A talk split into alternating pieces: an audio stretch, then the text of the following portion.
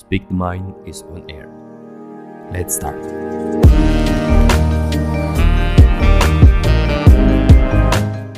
Halo teman-teman semua, selamat pagi, siang, sore atau malam teman-teman. Balik lagi di Melisatkan Pikiran, sebuah podcast yang kita buat bersama untuk uh, saling sharing dan bertukar pikiran. Daripada jadi beban pikiran, mending dibicarakan. Nah, kali ini biasanya kita bawain monolog ataupun aku sama Pak Gilang sama Pak yang bawain. Cuman kali ini ada yang beda. Kali ini aku bareng teman aku, Hai, aku Yuda Gemoy. ya, namanya Yuda Gemoy. Teman-teman bisa panggil Yuda. Ya, Yuda aja. Teman-teman di episode kali ini kita mau ngomongin tentang quarter life crisis. Ini biasanya dialamin sama Para anak muda banget ini. Nah ini anak-anak muda banget sih biasanya ng- ngalamin ini. Apalagi di fase-fase misalnya habis lulus kuliah, Benar ya banget. kan? Berarti kalau rentang umur di rentang umur berapa kira-kira? Biasanya sih kalau sepengalamanku biasanya lulus SMA Lulus SMA dari umur 18 ke atas 18 plus sih. 18 ke atas. Iya. Kalau sekarang dipukul tahun kelahiran berarti Biasanya rentang umur 2002 mungkin ya. 2002. 2002 ke ke atas. ke atas atau ke bawah? Ke, ke atas dong. Ke atas. Kan ke 2000 ke 99, Oh iya. 98, Oh iya, benar-benar. 97 dan sebagainya. Nah sebenarnya kalau dari sudut pandang kamu nih, apa sih quarter life crisis? Quarter life crisis, hmm, mungkin ini suatu istilah yang mungkin nggak asing banget lah buat kita ya. Iya. Setiap hari kita mungkin dengar banget ke, apa apalagi generasi mileni- milenial sekarang itu apa-apa di bahasa Inggris kan gitu loh. Kayak kayak jaksel-jaksel banget gitu. kayak misalnya kita sentuhan, physical touch, terus lain sebagainya kayak Love language. love language dan lain sebagainya mungkin ya. Sekarang tuh kita dengar quarter life crisis. Jadi kayak misalnya merasakan ibaratnya artinya tuh quarter life. Jadi seperempat Seperempat hidup. seperempat hidup ibaratnya kita manusia itu apa ya? Quarter, berarti seperempat ya. Ya. Ibaratnya hidup 100 tahun berarti 20 tahun, 20 20 tahun hidup di, di bumi ngapain aja gitu. Jadi mereka kayak merasa apa sih hidup itu, apa sih tu, apa sih tujuannya seperti itu. Nah karena biasanya quarter life crisis itu kita ngalaminnya di usia 20-an, ya kan? 20 sampai 30 sih bahkan. Sebenarnya kenapa kok kita di quarter life kita itu bisa disebut krisis tuh lebih ke apa sebab-sebabnya Hmm. kira-kira? Sebab-sebabnya tuh misalnya gini, kayak misalnya pasti kita merasakan bahwasanya eh, kita tuh kayak mikir kita tuh di dunia ngapain aja sih? Tujuannya ngapain sih?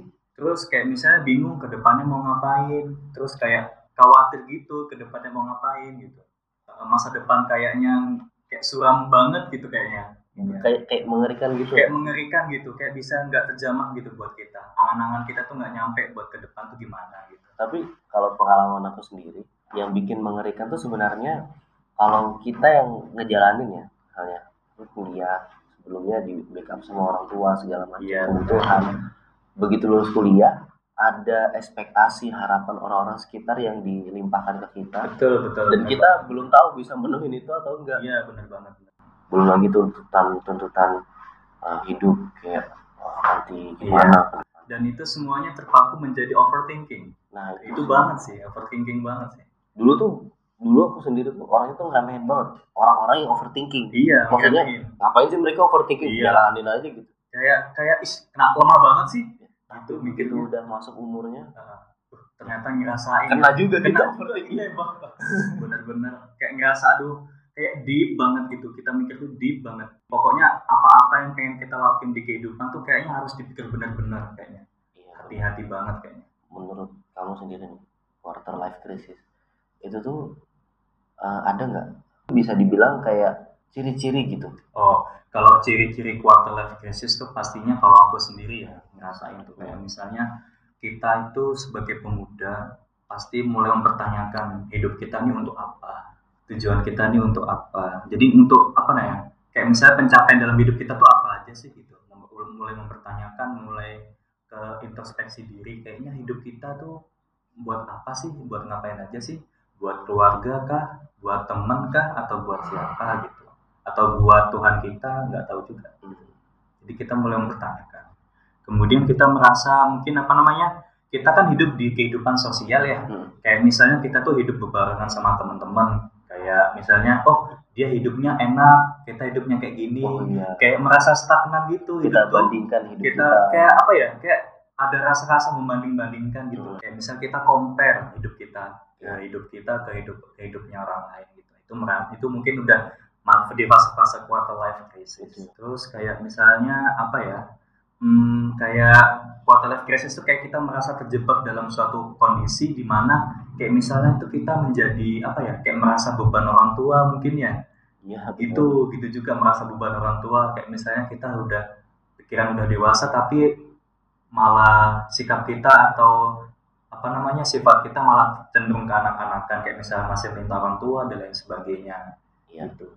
sih. Banyak banget sih. Pikiran tuh pengen ngasih orang tua tapi tapi kadang masih kuliah gitu bingung gitu Se- serba salah gitu kadang malah kalau misalnya kayak baru-baru kuliah gitu, kita sadar tuh kita belum punya kemampuan buat cari uh, uang. Bener banget, ya. tapi kita pengen banget mau ngasih tapi pengen banget buat ngasih orang tua tuh karena Iya. merasa oh sebagai anak pengen dong ngasih orang tuanya gitu. Iya kadang pikiran tuh orang tua punya anak misalnya dua atau tiga Iya. dia bisa hidupin anak-anaknya. Tapi banget. kita tapi kita buat ngidupin orang tua dua aja malah nggak bisa. Ya malah nggak bisa tuh. Iya betapa hebatnya orang tua kita yang ngidupin anaknya lima sampai sebagainya. Ada yang sampai sebelas ada sampai sebelas kayak Ken Halilintar ya masya Allah banget. Jadi semua anak jadi semua ya gila. Terus kalau lu sendiri pernah nggak uh, bandingkan hmm, keadaan lu sekarang? Pasti dong. Kayak misalnya sama orang lain. pastinya dong kita merasakan atau pasti pernah membanding-bandingkan hidup kita ke hidup orang lain. Tapi gua eh, mikirnya buat apa sih banding-bandingin toh juga kita startnya juga beda iya kita juga lahirnya juga dari beda orang tua kita juga dalam keadaan yang berbeda gitu. Buat apa kita nggak banding bandingin toh juga nggak ada habisnya jadi gitu kayak nggak fair gitu kan Kayak kalau nggak kita gitu, bandingin karena memang iya awalnya aku dan awalnya kamu aja kita beda kita beda gitu. Jadi ibaratnya ya itu sebagai anugerah Tuhan lah perbedaan gitulah. Iya. Ya, perbedaan gitu sebagai anugerah Tuhan gitu. Yang penting ketika kita ketika gua merasakan perbanding bandingan kayak gitu tuh kayak misalnya ya harus bisa menerima diri sendiri harus bisa benar-benar memahami diri sendiri Iya. memaafkan diri sendiri harus bisa menerima kondisi diri sendiri gitu pak. Sama satu sih kalau kalau aku memang benar kalau misalnya udah udah mulai kayak ada ngerasa mau ngebandingin Iya. kita sama orang lain itu memang harus memahami diri sendiri. Benar sama itu tuh fase-fase di mana kita tuh harus nguatin keyakinan kita. Kalau yang di atas itu sebenarnya punya cerita yang bagus juga buat kita. Iya benar nggak cuma buat orang Iya. lain yang kita bandingin lo tuh lagi dicoba sama Tuhan. Percaya Nah, nggak lo sama Tuhan? Nah benar itu lo tuh. ah, lo percaya nggak sama garis hidup lo gitu loh? Nah. ibaratnya lo tuh lagi menikmati muara takdir nah, Mm-mm. gitu loh. Lo tuh lagi bermuara di lautan. Gimana sih jalan cerita lo? Bagaimana sih apa namanya lautan membawa lo itu gitu. gitu. Bener-bener waktunya kita tuh pasrah sama takdir yang di atas tapi kita harus tetap berusaha tetap, dong. tetap berusaha. Jangan Maksudnya maksudnya pasrah. pasrah tuh kita ya kita tetap yakin sama takdirnya yang di atas tapi Benar. memang mungkin masih ber- berproses aja. Masih berproses. Ya gitulah namanya juga kita hidup sosial ya.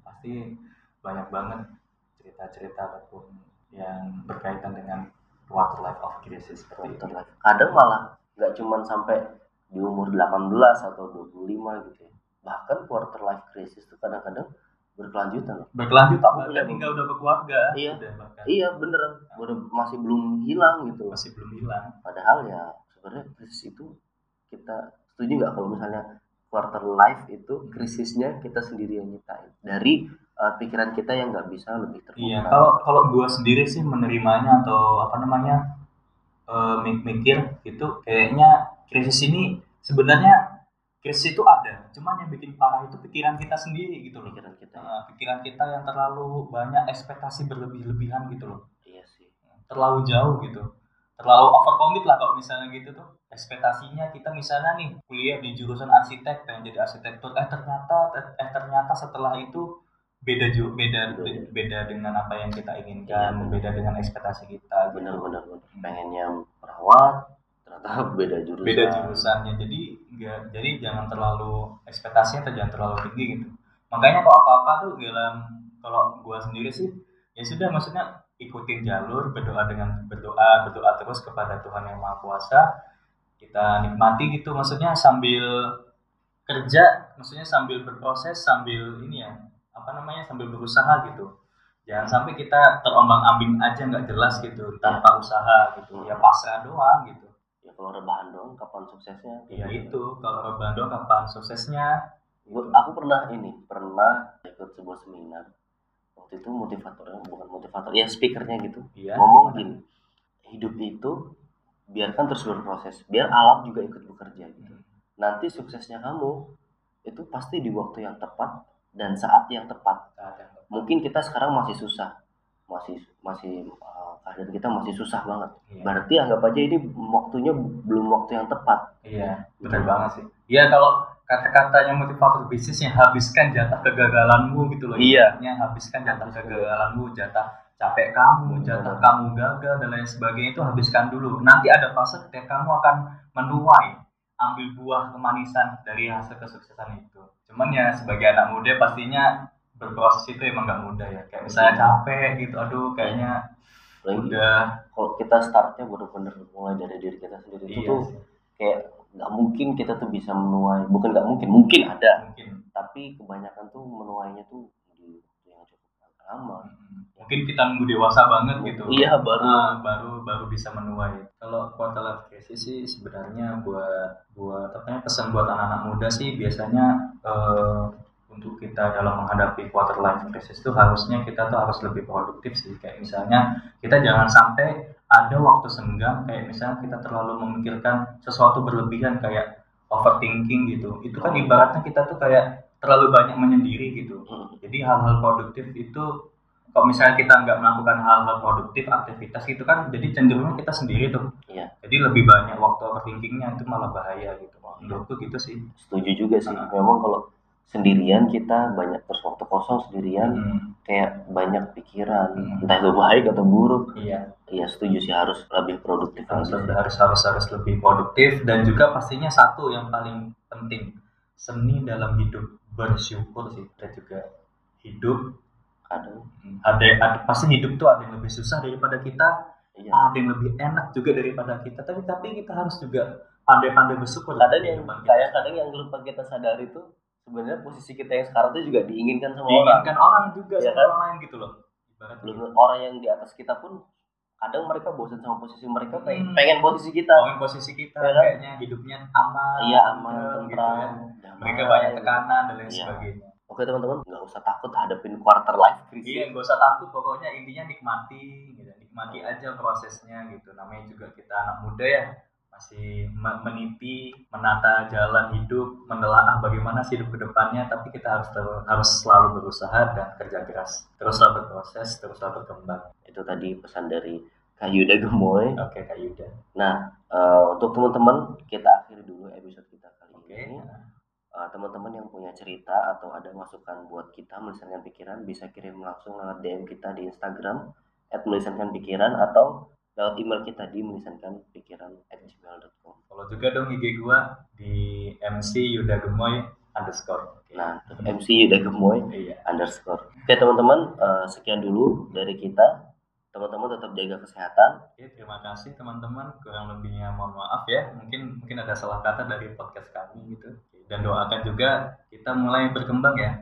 Mudah-mudahan ya mudah-mudahan podcast kita berkembang berkembang dan selalu bermanfaat bagi teman-teman semuanya. Amin. Terima kasih banyak sudah mendengarkan podcast Oke, kita terima kasih juga Kak sudah mengundang saya di Iya, kesempatan sama-sama. Saya juga terima kasih banget Iya. mau eh, hadir di podcast. ini. Oke, sama-sama juga. Dadah teman-teman semua. Dadah, dadah teman-teman. Sampai jumpa di episode berikutnya. Assalamualaikum warahmatullahi wabarakatuh.